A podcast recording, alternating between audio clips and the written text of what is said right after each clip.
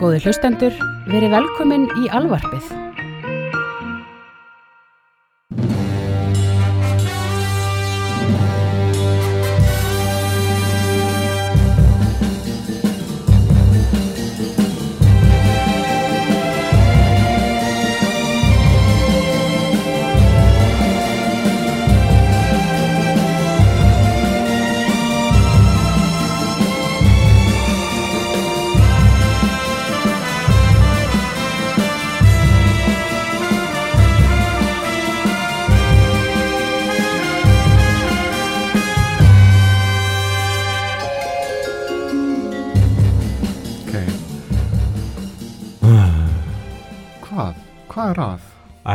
Ég, ég bara ég bara sá, sá svolítið í gær sem að gera mig svona eða svolítið niðurdregin eða pínu leiðan. Se segðu frá. Hérna uh, við munum alltaf eftir Lando. Já, það er minn uppáhaldskarakter í Empire Strikes Back, Lando. Já þú auðvitað velur eina svartamannin Akkur, vel, akkur það auðvitað að ég vel eina svartamannin Þetta er bara, þetta er einhvern veginn í eðliðin að sækja í þá sem eru svona í minni hlutu hópum Þú heldur alltaf með því underdog Þetta er bara, þú Já, gerir það, þetta alltaf geri ég það aftur. alltaf? Já, hm.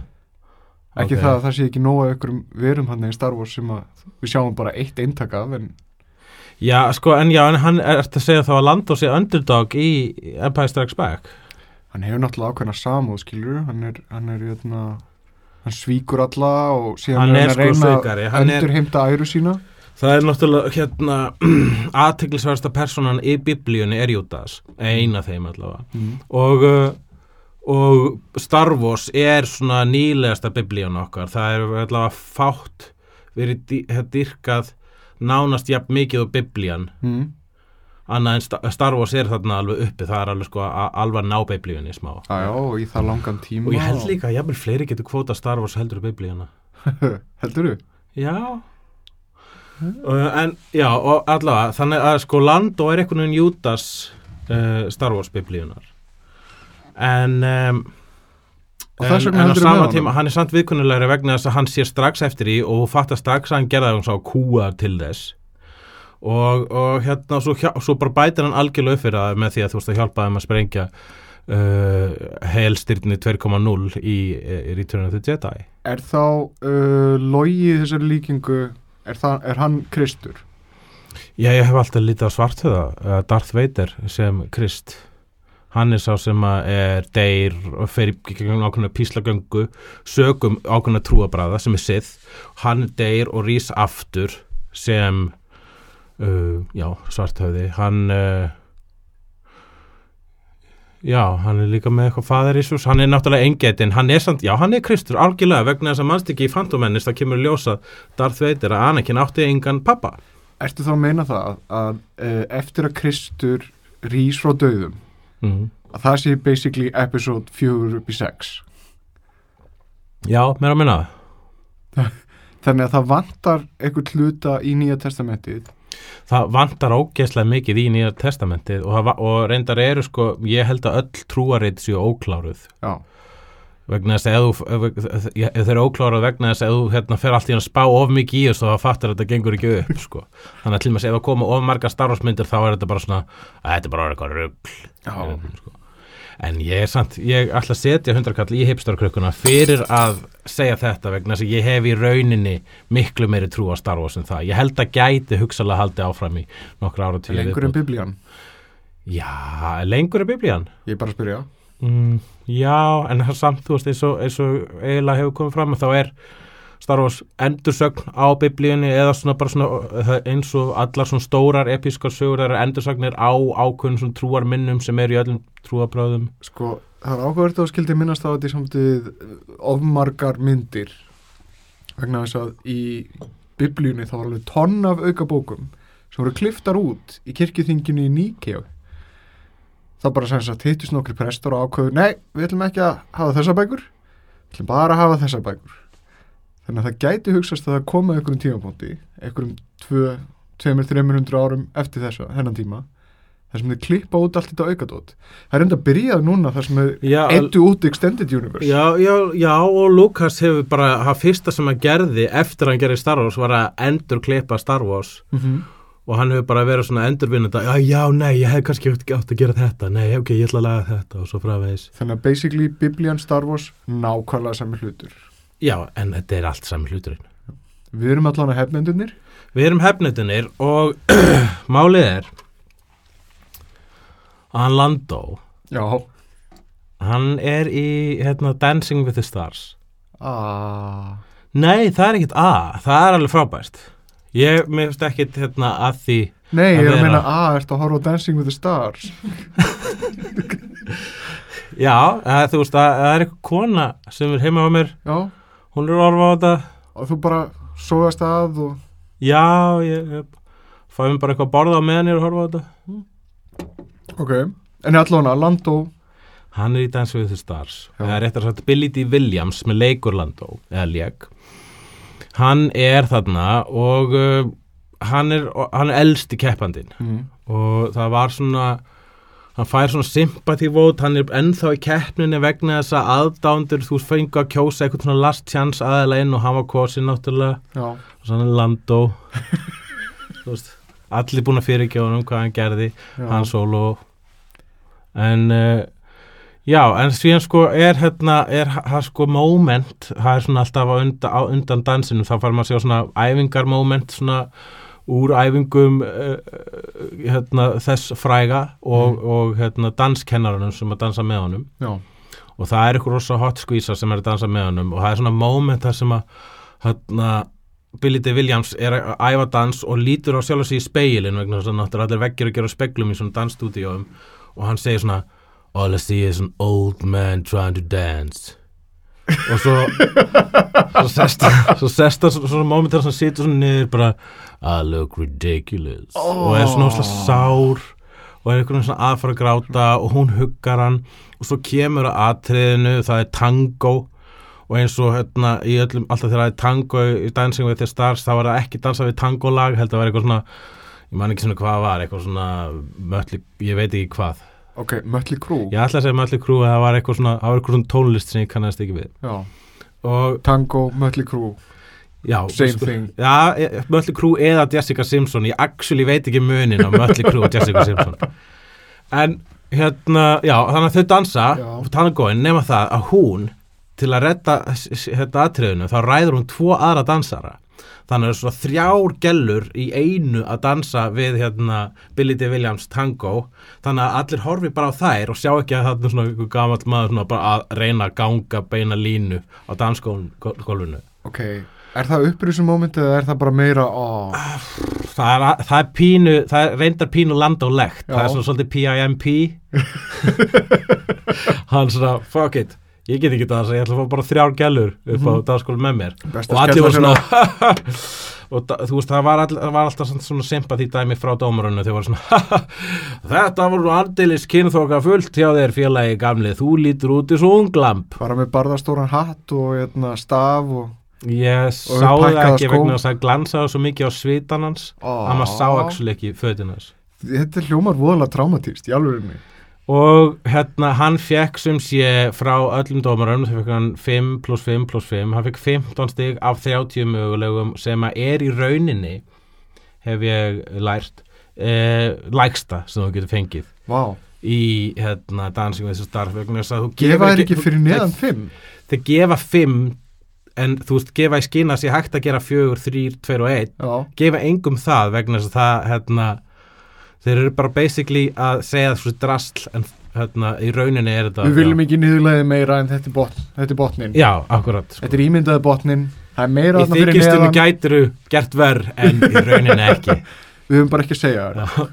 hann fekk það en hann fekk samt að halda áfram. Ok, hann rétt slapp, þannig að hann er áfram í keppninu og við, við, við hjá hefnundum við hefnundum fylgjur spendir með. Hvað er að gerast? Hvað er að gerast? hérna uh, þá síndur núna fyrir eitthvað nýverið trailer fyrir mynd sem að hann, hann Dwayne The Rock Johnson leikur í sem heitir Hercules. Já, Hercules, Hercules. Og hérna, hva, þú sást hennar trailer það ekki? Jú, ég horfði á hann í dag. Fannst það ekki hræsandi, þetta var risastórt ljón sem var að berast við. Já, flott, flott ljón, flott villirsvín mm um, og síðan og síðan hann svolítið öskra og berjast og, svona, akkurat. I am Hercules! Þetta er bara svona, vá, til og eitthvað gammal kalla hef aldrei sé svona trailer áður. Hver er þú? Hva, hva, já, fyrir hvað stendur þú? E, já, fannst þetta gott? Uh, Sko, ég held að þetta sé frábæð mynd. Uh, Það er að segja awesome mynd. Mm. Uh, en það er búið að vera eitt viðlóðandi þessa hérna, grísku góðsagnabilgju sem er búin að vera í gangi. Við erum búin að fá 300, við erum að fá 302 við erum að fá hérna, Pompeii og við erum að fá, hvað heitur hann The Immortals. Mm. uh, Ég- ég- ég er ekki- Titans myndina Wrath og Clash, þetta er allt það er búin að koma bara aðra grúi þetta er bara, þetta er svona einhver sub stefna sem að laumaði sér rækilega inn og er búin að bara svona hamra á markaðin síðan þetta þá. heitir eitthvað sandúls eitthvað. Já, þetta er, þetta er sverð og sandalar. Já, að það, þetta var vinsal stefna einu sinni, þetta er svona stefna sem kom aftur svipað og hérna þegar að uh, stórslýsamyndina kom aftur. Já. en það, það var samt ekki með svona miklum fantasíuelementum Nei, en uh, já, það voru ekki svona mikið fantasíaelementi þá í gömlu sverðu og sandala myndunum. Já, og ég man eftir að gladiator var fantasía í hérna þegar hann Lou Ferrigno var að leika Hercules. Já, það var eitthvað svona cyber fantasía þegar í staðin fyrir hérna, þetta var svona eitthvað Harry Housen dæmi. Mm. nema að letu sko skrýmslinu öll vera svona vélmenni og eitthvað. Rosalega súrt. Ég mæli mig að fólk tekja á þessu allavega trailertum ég allavega sko ég held alltaf með rock. Mér finnst það nógislega skemmtilegur finnst það frábær leikari. Og það er eitthvað svona næs við hann. Svona, ég fæ góðan væpa á honum.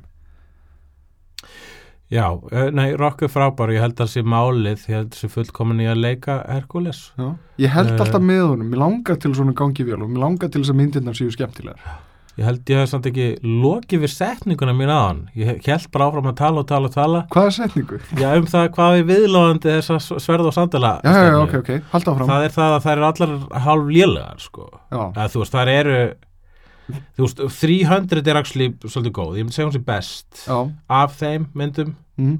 en það er allar svona eru bara ógisla flottar og síðan gaurar og svona öskra frasa. Já uh, uh, það, er segja, það, er, það er ekki neins svona það er ekki neins svona mind-blowing það er bara engin, það er allar awesome en allar gladaðar líka. En enn og aftur skilur gladiður flokkast undir Swords and Sandals. Já, það er, bara, það er í rauninni það? er í rauninni, það er bara þessi sjanri þetta hlýtur að vera einhvers konar undirflokkur af því, fantasy swords and sandals eða eitthvað líka. Já, þegar það koma svona einhver svona svona góðsagna myndir já, æ, yfir hverju er að kvarta þetta er bara dásanlegt sko. Það er bara fullt af bíó. Að risa ljónatn og risa villisvín. Já. En uh, sko hann er búin að vera að gera sem sagt hann The Rock er búin að vera að, að, í einhverjum viðtölum og svona. Og á badasdigest.com sem er svona kveikmyndasíða já, kom upp svo kenning. Já. Já, það kom upp svo kenning að, hérna, uh, að The Rock var að hinta því að hann væri að fara að leika einhvern karakter í Marvel heiminum. Já. Og ég veit ekki alveg nákvæmlega hvaða karakter svo er en svo kenning liggur fyrir að þetta gæti verið Lobo. Lobo er DC ekki Marvel. Við erum kötta þetta út. Nei, Jú, þetta situr. Nei nei, ég get ekki staðið Þú sagðir að Lobo væri Marvel. Mm, Það er skrásett, skjálfest, þinglist já, nei nei, ég, þetta, þetta Alla, þú meinti náttúrulega DC Þú bara, hérna, ruglaðist? Þetta, við klippum þetta út. Já, alveg, já, við gerum það Silla. Nei, á, ekki reyna blikkana, við klippum þetta út. Heyr, Heyrist þér í blikka augun á Sillu Ok, klift þetta út Silla. Já, ok Nei, en- Hann á kannski að leika Lobo. Lobo er mjög skemmtilegur DC karakter sem að það ætti að vera svo vandræðilegur yfir þessu. Ég að rugglast allir á. DC og Marvel Nei. tímann. Jú, ég gerði það held ég um daginn. Ég, Já, ég sagði óvart að Silver Surfer væri DC Þannig að ég skal, ég skal viðkenna það Ég gerði mér þess að held ég bara í gær. Alla við hana DC ok. karakterinn Lobo. Já. Svo ég fari rétt með mál. Já, uh, hann sem sagt The Rock gæti verið að leika hann. Uh, já, mér líst óslega vel á það. Vegna þess að hann er hann Rock eða Dwayne Johnson, er það ekki Mm. rétt nafn hann sagt er ógislega fyndin og hann var fyndin áður en hann gerðist atvinnum leikari já, og hann er líka smíðar eins og ofurhitja já. já hann er gullfallur. Ég held að ef að hann ætti að leika Lobo þá gengi það fullkomulega og hann myndi sagt mála sér sagt svona einhvern veginn hvítan og vera með þetta fyrirlega make-up. Mynd, heldur hann myndi fara alla leiði að líti út þessu Lobo já, ég menna það, þetta þurkar svolítið út andliti á hann sko. Já, hann er satt með sterkar svipi en hann er sko, það er alltaf eitthvað svona pínu vinulegt við hann. Þannig að ég er pínu hrættu við það element. Það er að segja ef hann leikur sín Já, kannski en samt vegna þess að sko þá, hann myndi kannski svolítið sækja í þegar hann var glímukappi. Það sem hann bara svona, hann skrúaði frá he opened up a can of whoopas held ég að hafi verið. What's the rock cooking? E- eitthvað, can of whoopas ég man ekki hvað þetta var, það var eitthvað svona slagur það hans og, og há, öskar hann alltaf á myndavélinu og tók sig úrslega yktan, hann er mjög fyndin mm. ég held að geta bara svona leita þar að vera svolítið, ég held að rock þurfi svolítið að vera í mynd þar sem hann fær að sleppa beislinu. Já, já. Sko, ég man eftir í Walking Tall hétum það ekki? Ég er það ekki endurgerð á Walking Tall? Ha, hvað er það að tala um? Er Walking Tall ekki, er það ekki endurgerð á Walking Tall myndin hann með Rock já, og hann það sem að það sem hann er með hafnaboltakilfu ha, er hann ekki með hafnaboltakilfu í myndinni? Ég er að reyna að rifja upp myndina. Ég er að reyna að smuna hvað hún hét. Hét hún ekki Walking Tall? Jú. Nei, byrju, var Walking Tall hvað heit myndið með Vin Diesel? Ég maður það ekki, hvaða mynd með Vin Diesel? Nei, þeir voru bara með svipu plaggöt þeir eru báði sköllóttir hvað er þetta að fara út í huli halda áfram. Nei, hérna, uh, þar var hann að leika gauður sem var alltaf reyður og Já. hann var alltaf mjög sympatískur með hann. já, þannig að keftir ekki reyðina Nei, þú, þú vissir að hann var bara svona, sástu að þarna var leikari sem bara ég er raun ekki reyður pínlítið þannig, hann er erfitt með að selja reyði. Ég meina, já, ég kaupa hann mjög illa sem reyðangaur. það er erfitt að selja reyði en það er auðvelt að selja kynlíf Já, og eins og hlustendur hafa efla Really? skinjað á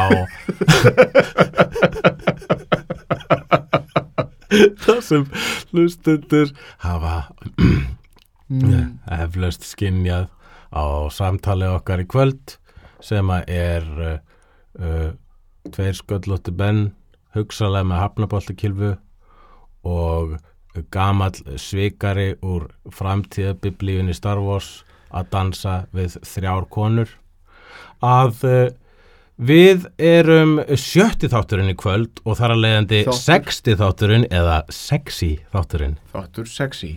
Þáttur sexy Hvað, ættum við, ættum við actually að láta þáttinn heita þáttur sexy? Já, já. Við höfum alltaf verið frumlegra en það Ég, ég meina við erum nú þegar búin að, að hafa titilinn Jésús frá Nazaret, konungur torture porns. Já, já, ég veit það En þar, það stakk ykkur upp á sá þáttur hefði átt að heita hefneddunar Já, það er hefði miklu betri titil. Ekki miklu betri, ég fattaði upp á þessum titli Nei, ég bara þetta torture porn, þetta er svo óþægilegt að hafa þetta titli.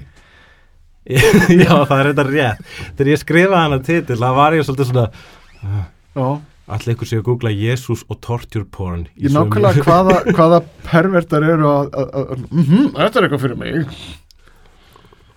En allavega, já, hefnedunnar, það hefði verið fýtt titill. Já, en, en í kvöld erum við sex endurnir Því að við ætlum að vera sexy Ég, Er það, er það málefni? við, sko það sem fyndið að ég bjóst actually við myndum vera miklu meira smúð þegar við byrjum að tala um kynlíf og hérna, en vegna þessu nörd og þáttu þá erum við búin að vera svona Alltaf, uh, kynlíf í, í myndum ha, það er, er, myndir þú segja ha, að Erum við er ekki- er- þurfum við ekki, þurfum við ekki samt að hafa eitthvað svona greinaskil á þessu? Erum við ekki á leiðin í málefnum dagsins? Jú, akkurat. Þá komið að málefni dagsins. Málefni dagsins. Er kynferðisleg vakning í popkultúr eða eru við bara svona að gangast við klámvæðingunni? Ég held að, ég held að Og ef svo, ef við erum að gangast við klámvæðingunni, getur verið að svo kallar klámvæðing sé bara svona illa líktandi fylgifiskur upplýsingaldarinnar? What? Illa lyktandi fylgifiskur upp? What? Já, getur verið að klámvæðingi sé bara eitthvað svona, Úldin fiskur nei það er bara svona eitthvað sem að er óm, þú veist, er þarna, er ekki hægt að losna við það? Já, ég meina það Það er er alltaf verið klám fylgifiskur sko. upplýsingaldarinnar meðan það er alltaf flóða upplýsingum að flæða yfir okkur þá verður náttúrulega svona fróða og, drulla og eitthvað sem kemur með sko. Sko, ég meina það verður náttúrulega ákveðið frelsi sem fylgir öllum sem keipulstöðum HBO og Showtime og svona það sem eru alltaf óragari við það að sína alls bara konur aðeins Já, akkurat uh, Þannig að það, það myndi ég segja væri ákveðin svona kynferðisleg vakning Er það vakning eða er það klámvæðing? Já, nei, ég myndur segja til dæmis það að það sé fullt allsbyrju fólki í, í Game of Thrones Mm. Er það klámvæðing? Eða er það kynferðisleg vakning? Ó, já uh, Sko, málega það, það er náttúrulega það, er, það var alveg frábæri hérna, Saturday Night Live sketch. Það sem að þeir fóru á settið á Game of Thrones þar sem að helsti ráðgæður var 13 ára strákur sem að eina sem að stakk upp á "Við getum hitt elspyrt fólk hérna. Elspyrt fólk hérna. Já, það var mjög fyndið, það var mjög fyndið. Og síðan var annars skets sem var á okkur öðru sem að að fólk að ringja í fóreldra sína eða vini sína að segja bara, herri, ég fekk gæðut hlutverk hérna, svona leikarar, svona wannabe leikarar í Hollywood, bara Já. ég var að fá gæðut hlutverk ég, ég teki inn aftan frá og svo eru tveir gauður að taka mig framan frá og, og, og svo er, heyrir maður fullt af svona lýsingum frá fólki að tala í síman og fólki hinn hljómar meina eins og, línunni er eins og bara, lýsing á í klámi. Nei, ég er ekki í klámi, ég er í HBO En þetta, þú veist, þetta er ákveðin sannleikur í þessum gaggríni sketchum að hérna þetta er, þetta er svolítið bara til þess að lokkaða áhörundur sem að hafa gaman að sjá allsbært Já, akkurat. Jú, það er vissulega ver, ég finnst þess að séu svolítið að fara í nýtt svona, sev, manstu, svona swinging 70s með likla partíunum og svo leiðis finnst þér þetta varpa ykkur nýju ljósi á kynferði eða frelsi, kynfrelsi jafnir bara? Ég held bara að þú veist sérstaklega meðan upplýsinga öldin er svona ný sko, við erum bara ennþá við dögun þessara upplýsinga aldar sem er rauninni bara aldrei áður hefur mannkinni fengið jafn mikið aðgang að upplýsingum. Já, og við sækjum í allsbært og við sækjum í allsbært og erum bara, er þetta gott, má ég borða þetta? Og svo leiðis vegna þess að við höfum aldrei verið við höfum aldrei tekka á þessu áður. Við- manst þú, við vorum til báðir áður en interneti var til, Já, manstu hvernig það var? Já, hvernig var það eiginlega? Það var blöð maður, maður svona Já, lættist og las bækur eins og, eins og, eins og hérna, sjafnarindi. Það er svona, svona, er svona, svona teiknaðan myndir Af allsbæru fólki. ég las sjafnar þetta líka. Hver gerði það ekki? Það var mjög vel myndskreitt bók og það var alltaf sama parið. Þetta var allt saman mjög svona 60s, 70s hérna, uh, svona fallett það voru ég fólks. það er öruglega svona hundrað mismunandi teikningar af þessu sama pari Mm. að ríða á einn eða annan hátt. Já. Sem að þýðir að það, það var, var blíjansteiknari já, sem kom heim til fólks já, og teiknaði það hundra sinnum ríðandi. Ég hef aldrei spáðið þessum þriðja gæti þegar ég, þegar ég skoðaði þessa bækur þetta voru nú hreinar svona teikningar. Nei, þetta var- anatóminin var þannig að þetta var augljóslega sko módelteikningar. Já, er það? Já. þetta ekki verið eftir ljósmyndum uh, já, hugsalega, hugsalega, jú. Þannig að hann gæti, teiknarinn hafi gæti fyrir. hafa farið Ah. til fólks. Og uh, ljósmyndaði, já, jú, jú. Heldur að það verið alltaf sama fólki Það er mér fannst hins sagan meira spennandi. Ég var búin að búa til mér heila sko erotíska kvikmynd í huganum. Þetta er, þetta er, þetta, þú ert kannski með eitthvað þarna. En Teiknarinn. ég er hugsalega með eitthvað þarna En málið er ef ég myndi verið að gera erotíska kvikmynd byggða á sambandi uh, parsins og Mm. teiknarans í sjafnarindi. Það, það hljómar alveg svo eitthvað sem hægt er að gera góðan sögur þurrað úr. En samt virðist einhvern veginn raunin vera að það er ekki hægt að gera góða erotíska kvikmynd. Hvað er uppáls erotíska kvikmyndin það eru, það eru mjög fáar góðar það eru mjög margar slæmar. Er það ekki? ég, ég meina, ég hef, það er mjög mjög langt síðan ég hef séð hana. En ég man eftir að, að, að, að mér fannst Henry and June mjög mjög svona erotísk og falleg. Mikið af Allsberg Úmu Þörmann. Já, já, ég hef ekki séð hana. Það það, er, það er Fred Ward. Já, Fred Ward úr, úr Tremors. Þetta var sem sagt byggt svona á æfi sem sagt Anais Nin í París. Anna is Nin sem er uh, sem sagt samtíð fullt af erotískum smásugum Mm. sem komum út hérna á Íslandi meðal annars í þýðingunni smáfuglar mm. og að ég held unaðsreitur sem var þýðingin að delta á Vínus mm. og, hérna, og þetta var svona, svona frjálst kynlíf í, í, í, í, í sem sagt París. Svona 1920, 1930 eitthvað svo leiðis cirkabát Það var pínu svona anarkista tímabil. Já. Það var pínu svona millistrísárin kynlífs tímabil Allir voru að ríða þá á fullu. Millistrísárin þegar allir voru hressir á því. Rétt áður en allt fór til helvitis. Já, ok Já, ég hef ekki séð hana Ég er að reyna að muna sko Ég man allavega lélu hérna erotúrska myndunar að, Þú veist, hérna Nine and a Half Weeks Það var ekki góð mynd, var það? Nei, ég get Ég ekki sagt að að ég reyndi muni eins mikið og horfa á eftir hana og al, alveg hræðileg mm. uh, Ertu, ertu með ykkur að?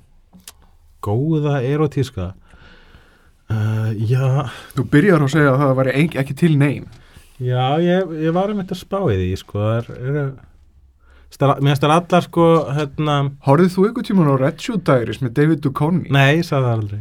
Ég, eitna, mér fannst það mjög áhugavert þegar ég fatt að þetta var sami gaur og var möldir.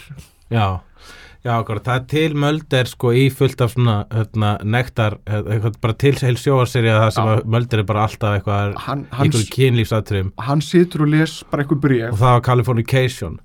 Já, en síðan á undan henni gerði hann actually Californication svona prequel þar sem var Red Shoes já, þá var hann sem sagt að fá eitthvað bréf frá hinum og þessum einstaklingum sem að sögðu erotíska sögur á sjálfum sér.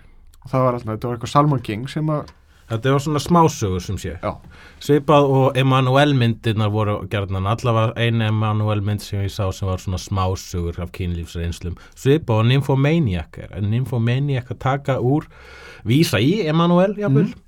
Það má guðu þetta ertu múin að sjá En Nymphomania? það er, einmitt, ég er ekki búin að sjá hann, nei en ég var ekki að reyna að sjá hérna fimm tíma útgáfana ég nenni ekki að sjá hann í tveim pörtum. Já, og hérna Uh, en ég hérna var að spáða einmitt í því að Nymphomaniac er smásagnasafn og líka eh, Manuel í rauninu og þetta sem þú varst að tala um. Mhm. Er þannig að er kynlíf, er það þannig að er ekki hægt að fjalla um það í heila feature mynd Nei, ég meina, þú veist, þetta er svo staðbundu augnablík eitthvað. en þannig að bestu sögurnar af kynlífi eru stuttar sögur Nei, ég meina, þú veist, það er annarkvort kynlífi sjálf, þú fókusar á það, eða þú fókusar á romantíkina sem að tekur lengri tíma og bætir svona kryttar það með einhverjum kynlífi á milli.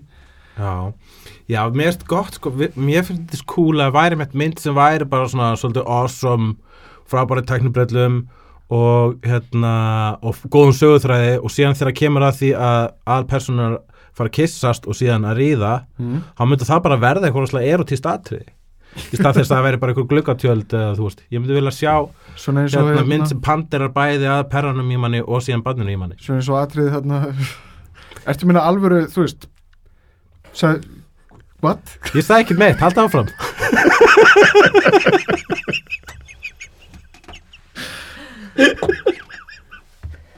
Vissir það að hérna, Lars von Trier og, og Frikki Þór ætlaði eitthvað tíman að gera, fara í ykkur klámyndaframleyslu? Mér rámar eitthvað í hennan rúmor. Ég veit ekki hversu, hversu langt það gekk sá draumur, hefði töluð um þetta. Og þá var inspirasjónin að gera eitthvað í, í líkingu við merkjamyndirnar sem var high budget Já, frægum leikurum og, og, og alvöru klámklám. Stjörnumerkjamyndirnar, góðir hlustundur eitthvað sem var hægt að leia á síðustu dögum vídeolegunar Já, var síft á stöð 2 sínt á stöð 2 og þetta voru danskar myndir um svona njóstnara oftast, var það ekki? Eða það var alltaf, alls konar. Alls konar myndir Já, og þetta voru klámyndir. Já. með síðan einhverju svona slapstick gríni. Ídaljum söguþræði. Ítalegum sögutræði alveg þú veist, þú og síðan á leikarar sem eru bara alvöru fullt alvöru leikarar. ef þú þú horfir á Matador þættina eða Olsenbannið þá ferði að sjá alls konar leikara þar á milli. Sem þú sást í sem stjörnumerkjamyndum við sást í sértumörkjumundum Ég sá held ég bara svona hálfa svona mynd eða svona tvær hálfar svona mynd ég kom heim til vina minna sem voru að horfa á þetta lögu konur ég bara að vil það byrja ekki án mín. Svo sá ég alltaf klósitpappirinn og sagði ég glæður að byrja án mín Já Ok En ef við tala um ofurheiti kynlíf Er, er eitthvað af ofurhetju kynlífi? sem þú Það er eftir? náttúrulega til myndasögur sem eru svona erotískar eða, eða svona Mm. klámyndasögur sem að eru um ofurheitjur, ég hef séð ofurheitju kynlíf í myndasögum Mm. og það er bara mm, ja, dásalegt og heldur að það sé Eins og hvað? Þetta er ofurheitjur að ríða. Já, Já, hérna það svona, þetta er, þú veist Hvað það heit þarna það er eins og svona rísa vélmenni að berjast við eh, hérna, rísa skrýmsli Já, þú veist, það er bara, það er bara dásanlegt sko. þannig að ofurheitjur að ríða það er pínu svona, það er einhvern svona sprenging af of miklu.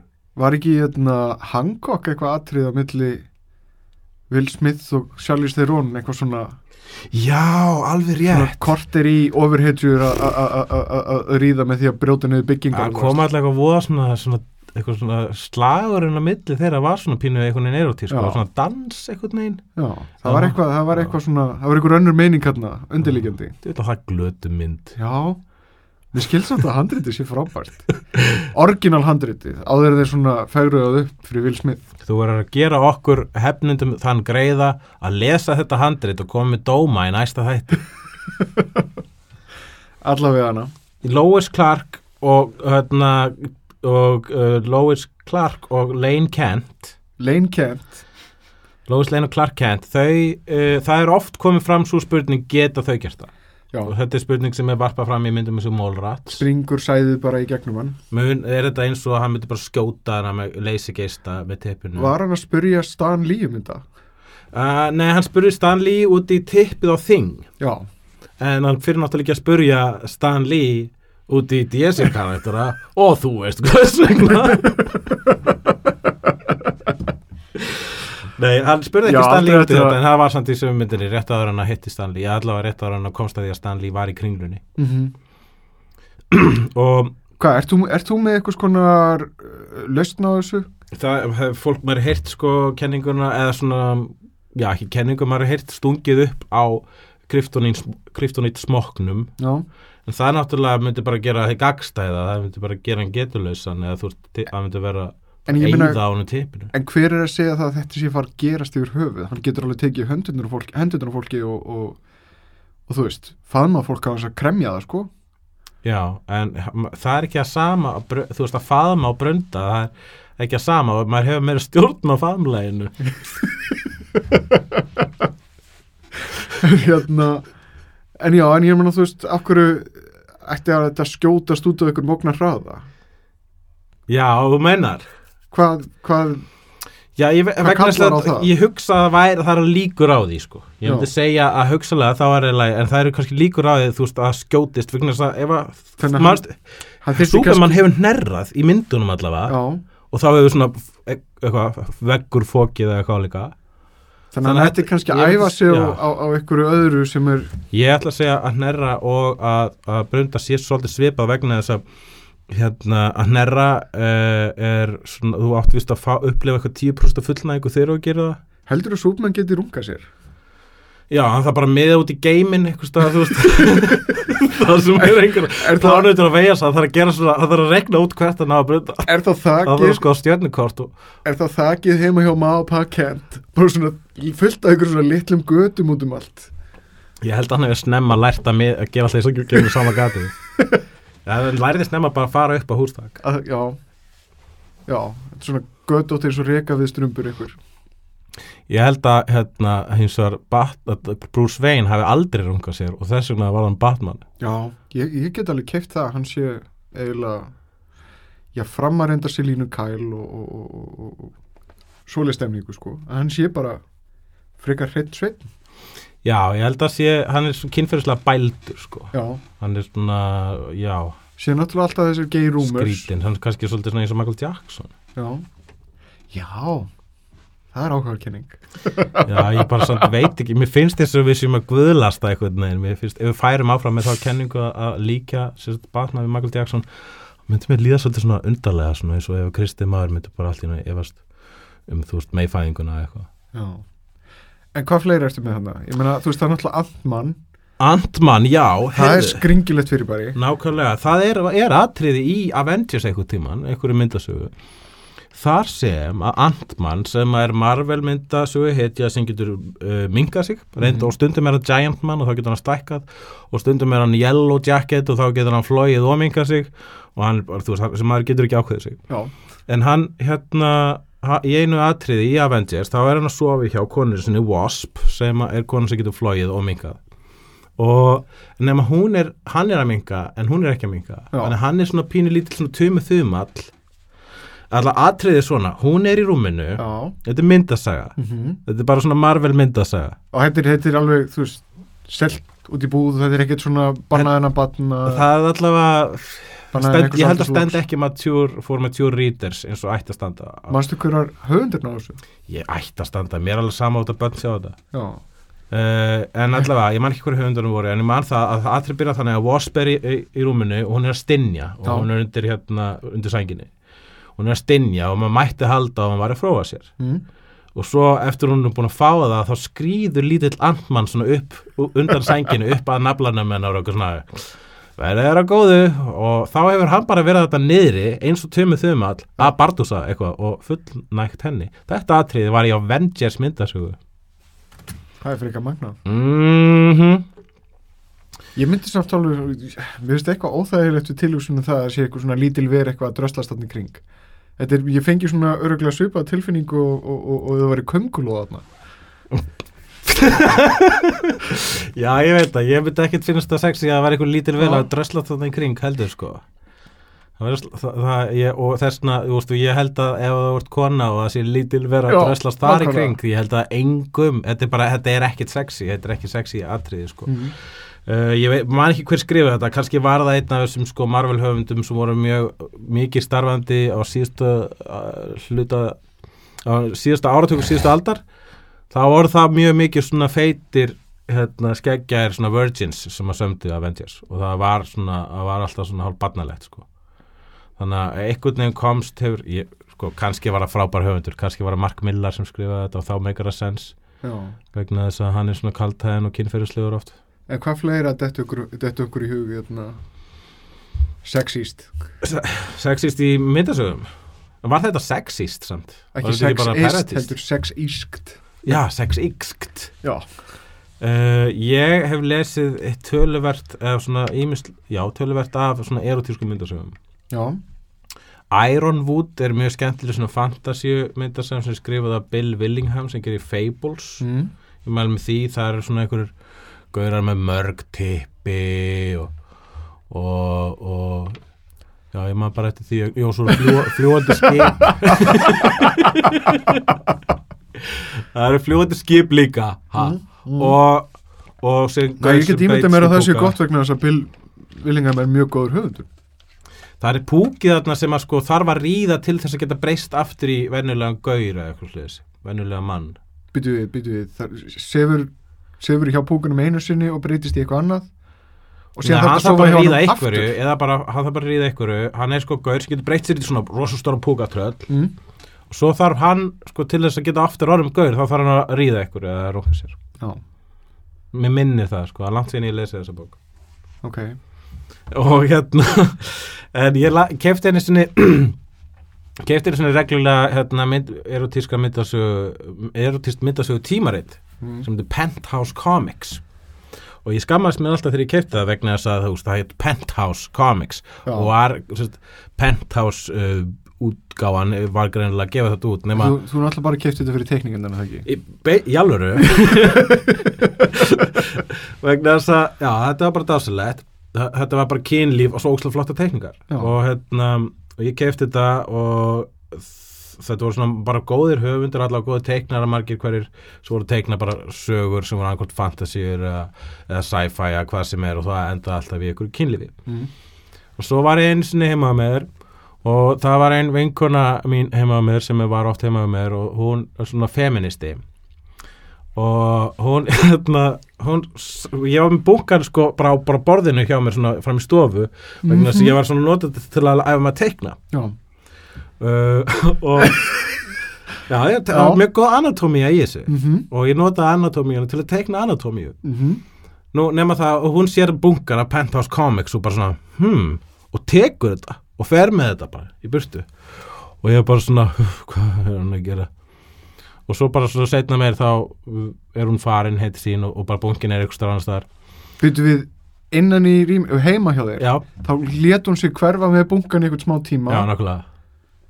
Og síðan sérst að var hún bara farin? Síðan var það bara farin. Og voru það að hanga saman eða bara einhvern já, ég, bara þú veist einu af þessum mörgu vinkonur sem var að hanga heima á mér og svona. Ok, það voru mjög mikið feministum að hanga heima á mér sko á þessum tíma. Og hérna og þess vegna sko var ég, var ég vanilega, fór ég vanilega meira varlega með það að sko vera með klám myndasögur Mhm. frammi en þarna var ég actually að ég sverða að æfa með tekna anatómíu. Ok. Og, og svo setna mér þá talaði við hana á fyllir í og þá kemur ljós og bara, ég bara, já, ok, ég sá að þú tókst hennar bunkan það meita og hún bara, já, já, akkurat, já, frá, takk fyrir það, al, alveg frábært, sko. Og þá hafði hann bara séð þetta og þá hafði hann bara, svona, þegar hún sá þetta á borðinu hjá mér, Já. þá var bara, ah, þarna er þetta sem ég er búin að leita að. Og basically, þá var hann bara svona, þá bara var hann strax forvitin. já, Þess að hérna er sko, hérna, teiknað klám, já fórnalamba löst klám. Og hún hefur búin að leita fórnalamba lösu klámi alla sína æfi eða alla í, í eitthvað tíma. Og, uh, og svo, svo fann hún það. Og hún bjóst ekki við að finna það í myndasögum. Já. Það er mögnu saga já. Allavega. Ok. Ok, njep, njep, Já. njep, njep. Talandi, talandi um, um ofurhyttikynlíf. já, Hann Wolverine, var ég að komast að, ég var að fletta þessu báðan, er uh, algjör drusla. hvernig Hann þá? er eiginlega, ég myndi segja hans í mesta druslan, hann hlýtur eiginlega að vera mesta druslan í uh, Marvel heiminum, en ég hugsa að sé skiljanlegt, ég myndi segja sé skiljanlegt vegna þess að Ég hann er kynþóka fylsta eitthvað neginn allavega kallkynsveran í Marvel heiminum. já, hann er náttúrulega gangandi alfameil Já, akkurat. ég tengi hans alltaf svona tilfinningarlega við Jean Grey sko. Já, já, ég var aldrei skoturinn Jean Grey með honum mm. Nei, mér fannst það skemmtilegri þegar hann var svona minn, ekki að obsessa sko að vera, ég, það var svo Wolverine sem ég vildi kannast við Hann hefur sofið hjá Hann hefur sofið hjá Jean Grey eitthvað tíman og var, ég held að minnst að var til þess að, hérna, að Cyclops hætti skildi við Jean Grey og byrjaði með Emma Frost, einhvern Mm. þekkt sem hvíta drottningin. Og Emma Frost, hún er miklu meira uppáhaldi hjá mér. Já, hún er svona badass og mér fannst þau vera svolítið góð saman Cyclops og Emma er Frost. Wolverine búin að svo hjá þeim nei, nei, Emma Frost hún, sefur, hún er svo cool, hún sefur ekki á Wolverine. Hún- Wolverine sefur svo hjá Domino mm. Mystique, Black Widow She-Hulk Dazzler Vastu, Dazzler, það var svona mutant sem var líka diskostjarna og bjóti svona ljósasjó. Og, Jú, jú, jú, og í einum updateaði heiminum Ultimate heiminu held ég þá var hún pöngari. Já, ég, hvort hún hafi mitt verið í byrjunin á Dark Phoenix stórileginu þar sem hún hafi komið inn. Já, hún var í seven, 70s uh, tímabilinu. Já, Hann hefur svo hjá Viper sem er hérna svo sem var uh, Buddy í Wolverine nýju myndinu hérna, mm ja, í Japan myndinni. Hvað heit, hún heit bara The Wolverine. Já. og svo hefur hann svo hjá Rogue Mm. sem að, náttúrulega myndasögur Rogue sem að átti ekki alveg það hérna, þetta svona father-daughter samband og, og Rogue og uh, Wolverine áttu í myndunum. Mm Þannig að það er ekki að krípið á hljómar þeir sem hafi ekki lesið myndasögur. Hann er svo hjá Elektru sem að myndi segja sé svona Soulmate myndi ég segja soulmate. Ég held að það ætti mjög vel saman. Er svipu það, ég held að sé ekki gott ef of líkar manneskjur eins og þau sem eiga bæði svona þunga fortíð mm. passa saman, dragaðu ekki hvort annað niður þá. verða þau bara í ykkur drama alltaf Já, bara svona rosa þunglíti sjúklingur að byrja með rosa þunglíti sjúklingi. já, þetta er nú samt En þau eru ekki þunglíti sjúklingar, nei. En þau eru hérna svona, uh, þau eru hérna kannski bæði svona post-traumatic stress sjúklingar. sem hafa aldrei díla við það, almennilega Jú, bara með því að skera niður fullt af fólki. já, Eh, Ég tek þetta aftur, ég held að það vera frábært par. en það er eitt fyrirbæri í þessum uh, fandom heimi mm sem heitir slash fiction. og ég held þú allar að segja furries en ok Uh, vá, við getum tala líka um furries. En slash, fic- hvort viltu tala um furries eða slash fiction? Já, uh, ég held að slash fiction sé áhugaðara Furries er einhvern veginn, það er alltaf eitthvað brandar í því sko. Já, og ég veit ekki alveg, ég fatt það ekki alveg. En veist, það, það eh, ok, tölum aðeins um furries. Hérna, ég elska furries. Frábært fyrirbæri. Já, Það er fólk sem nýtur þess að klæða sig upp eins og teiknimynda dýr mm. hvað þið segja elska, ég skil þetta fetish. Ó, Eh, ó, En síðan virðist vera sko hérna, út frá því sem ég hef gramsað um þetta já, og séð í spjallvefjum á netinu þá eru innan förrís uh, samfélagsins er fólk ósamala um hvort að þetta er sexual eða ekki. Já, ok. Það er mjög margið, það skiptist í tvo hópa. Það eru til förrís sem að gera þetta bara vegna þess að þetta er gaman og krútulegt Já, og, og bara fíla sig í sem teiknimyndadýr. Já, og svo eru til þeir sem gera það og ríða. Og það er til svona hérna, samkomur sem að eru kallað conference. Sko, það sem að hérna, fólk mætir og annarkort er það Furren. svo, conference með furries sem að ríða ekki já. eða ríða, þannig að það eru tveir flokkar þarna sko. En núna, þú veist, með það litla sem ég veit ég sé alltaf fyrir mér þetta fólk að ríða, sko. Mér finnst það eiginlega bara svolítið svona ekki bókstæðlega en, en hérna uh, nei, ég meina, þú veist, ég held alltaf að þetta væri bara sexuált Já, ég skil þann hluta af þú veist, ég skil þann hluta af furries uh, samfélaginu betur, ég skil, ég skil ef, að, ef að þú ert að gera eitthvað til þess að eh, njóta þess betur að ríða, þá skil ég það. Já, það er bara besta afsökunni heimi, hugsa ég. Mér finnst nefnilega allt í lagi að, hérna, fara í búninga og fýblast eitthvað að hafa gaman, skilur við Já, mér líka.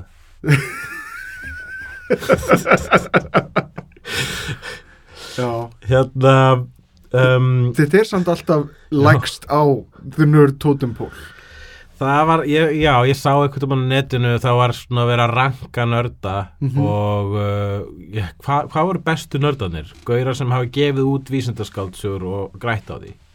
Ég man það ekki, ég sá þetta ekki Ég held að sko útgefnir höfundar, það er á, á topnum. Já, er það? Uh, já, sem að, ég er ekki að tala um mig sem gerir kúkabrandara. Ég er að tala um fólk sem er að gera húst vísindaskáldsögur og ofriðtu dót og svona gera eitthvað svona alvöru nördalegt sko. og síðan er á botnunum er sem sagt furries ég sá þetta á eitthvað stóra netunum ég, ég, mér finnst það óriðlátt, mér fann til með furries sko. Ertu með einhvern annan sem ætti frekar að fara á bottom? ég finnst bara engin ætti að fara á botnin Hmm. nema fucking nakkarnir þetta er náttúrulega bara brandari. Ég, við erum öll jöfn nakkar og, uh, og nördar ættur raunin að saminast Mm -hmm. hönd í hönd gegn fucking bændunum. Ok, ég vildi fara hei, ef að fara í best og vest Nei, ég ætlaði ekki að klára slash? Já, slash, akkurat. Þú byrjar á slash dæmi, getur þú útskipt fyrir mig hvað er slash? Slash er uh, skaldsögur eða stuttar smásögur sem að finnast á internetinu þar sem að hérna, það er búið að láta tvo kallkinskaraktera eða tvo kvenkinskaraktera uh, svo saman. Þá karaktera úr einhverju frægu svo, Já, úr eins og til dæmis Körk eða Spock já, það er svona hvað svona þekktast kannski, svona algengasta dæmið. Ég held Körk og Spock séu, séu líklegast til frægustu slash þannig að það er til mjög, mjög, mjög margar sögur á internetinu. Mm -hmm. skrifar litlar smásögur um sem sé Körk og Spock að hafa kynmög Fyrirmyndunar eru ekkit eldur alltaf satt af þetta eins og Jensen Ackles í hérna, Supernatural sem er leikur Dean. Já, hann einhvern tímann tók kast á einhverju kon vegna þess að hann, hann þoldi ekki að, að, að einhver var að spyrja hann út í þetta. Slash, sem sagt, einhvern, einhvern slash storyline sem að var skrifað um þá tvo. Um þá Dean og uh, Winger. Vinger, ha, því datta þessu út Winchester bræðurnar í, í, í, Supernatural. Ah, já, ég var að hugsa um Dean í hérna, community. Allavega, Nei, hann, en heldur að sé til fiction milli Dean og Jeff Winger í community? Ef, ef við hugsaum það þá er það til. Já, en það er náttúrulega hræðilegt vegna þess að ef það eru milli Dean og Sam Mm. fiction, þeir eru bræður. Já. Já, það er incest slash Nei, ég held að þessi, ég held að hérna, hvað hétt hann hann uh, Engillin ég held að hann ah, sé Ég er ekki aðalega komin að englinum. Já, Ég er ennþá í fyrstu seríu. Ég mun, ég lofa að klára að horfa á þetta. Þetta er gott stöð.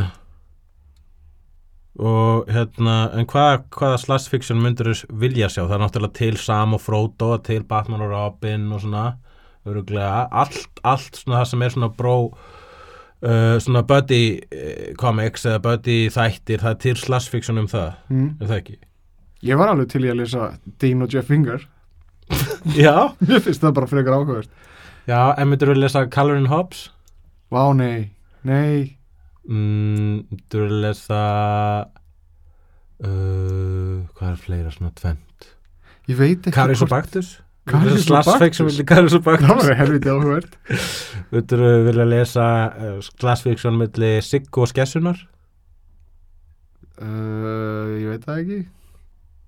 Ekki, ég held að ég myndi alveg svona Nei, það myndi vera svolítið disturbing sko. Hvað með kjartan og Það verður svolítið strömpana? eins og Ant-Man og Wasp. Kjartan og strömpana, já. Hvernig myndi strömpanir afgræða kjartan? já, við varum komin aftur í þetta Altman territory Já, nákvæmlega, þeir eru margir þannig að þið getur svona bum, bum, hoppa á hvern annan og vera orðið eitt svona megastrumpur ja, þeir eru mjög góður í að vinna saman og bara, ó, ég vona að ég lendi ekki í klófinu ekki vera á topnum Eigum við þá að tala um best og vest? já, Best og vest. Hvað er be best og vest hérna best og vest kynlífsatriði? Það er til mörg góð kynlífsatriði þarna úti og Mhm. mörg, mörg slæm. Ef að- ef að ég ætla, byrja á besta eða ef að byrja á versta? Hvort, hvort hvað er, er líkur þín preference? Ég held að sé svona betra að við byrjum á, vers, á besta. Byrjum á besta já, vegna þess að ég, vil- ég vil hérna fara í síðan hérna, búin, ég fyrst, já, akkurat. Já. ég, ég vil ekki útskýra hvers vegna en byrjum að besta. Vegna þess að ég er svo okkinslega bældur þá get ég ekki verið einlagur í svona málum. Þannig að, að e, besta kynlýsatriðið er atriðið í hérna, Team America World Police. Já, það eru allar best fríkistellingar prófaðar. Þetta er vissulega ekki einlægt val nei, en mjög gott val. Tvær brúður svona eins og, eins og krakkar að- slá saman einhverjum barbidúkum Já, og mér skilst að þegar þið gerðu þetta atriði þá sko, hérna, það var hérna þá höfðu þeir var pissuatriði, kom það í myndinni þegar það pissa hvort annað? Ég man það ekki, uh, það gæti verið að það hafi verið unrated útgáfunni. Já, sko, já, en þau höfðu nefnilega gerði líka sko atriði það sem er kúkuð á hvort annað. Mm. og máli var að þeir ákveða að láta brúðurnar fara eins langt og vera með eins ógislegt kynlif og mögulegt var Mm -hmm. þannig að þegar hún er í rítskoðu fyrir bíó þá myndu þau bara taka það allra versta en samt myndu atriði verða ógisla gróft. Við skulum halda þið til haga þegar ég segi besta þá er ég að meina skemmtilegasta. Já, Nó, ég held að þú varst að úr ekki, þessu. ekki erotískasta Já, Nei, mér, ég, já akkurat, ég, ég vissi það, ég myndi alltaf ekki huga að þú væri maður sem að fengi eitthvað svona eitthvað kynferðislegt út úr því að það bara byrja okkur að gera það Ég, hef aldrei í hug. með, en, en hvað er þitt besta? Um, það eru mörg góðar nóti uh, Don't Look Now var gott Mm. það er mjög svona klassíst að segja það held ég en ég held að mér finnst það vissulega frá, frábærlega svona flott svona listrænt séð Mm. en alls ekki uppáhalds uh, uppáhalds gæti actually verið sko allavega ofalega showgirls sem að er mörgum talið versta kynlýsatriði sögunar Mhm. en mér finnst það besta en mér finnst það ironically Ertu þannig að meina- ég kannski alveg tekið með. Sundlegaratriði já, Það er kaltænislegt vegna þess að getur hvað ég er með sem versta. Já það. Höldum áfram að þessum þræði. Já, eh, bara, að það er það er bara eitthvað við þetta atriði að kannski bara vegna þess að ég fíla slæma hluti þá held ég að mjög stór ástæði fyrir því að ég elska þetta atriði er svo að ég elska slæmt. Já, sko ok, það er eitt sem þannig að ég gerir held að þetta sé ekki tekið með í mínu tilviki. Það er eitt sem gerir þetta atriði að versta atriðinu.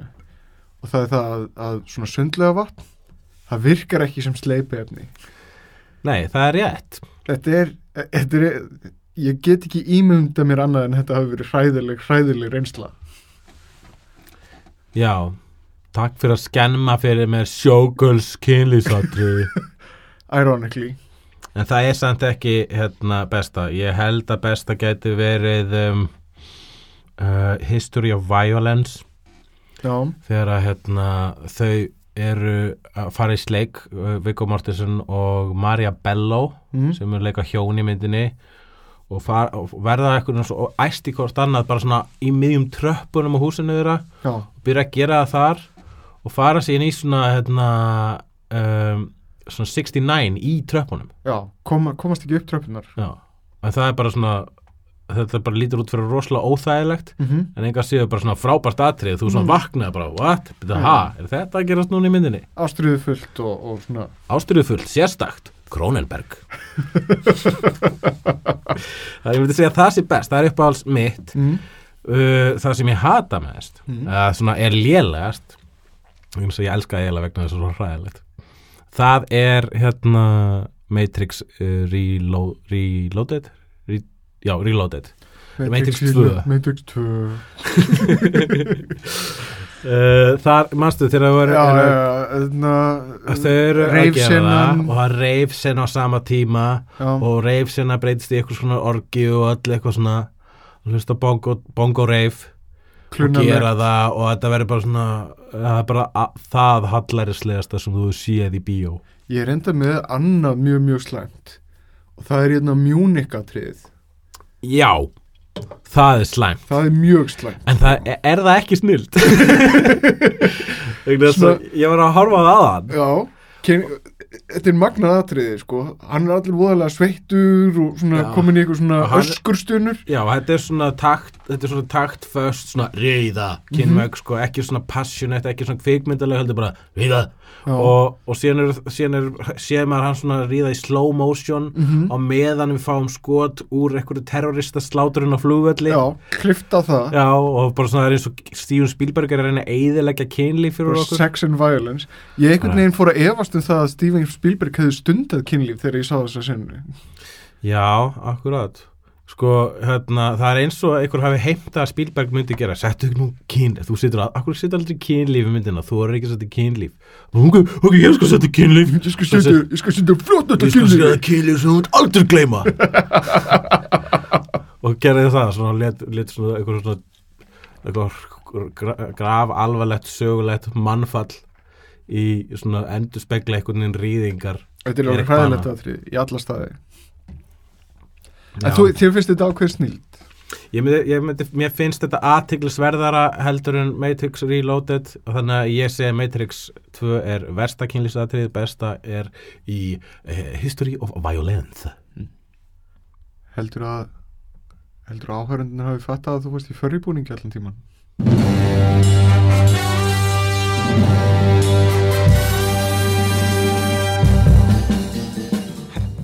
Hef, hef, hefnundur, hef, hefnundurnir voru Jóhann Ævar Grímsson og Hugleikur Dagsson. Upptöku stjórnaði Sigurlaug Gísladóttir.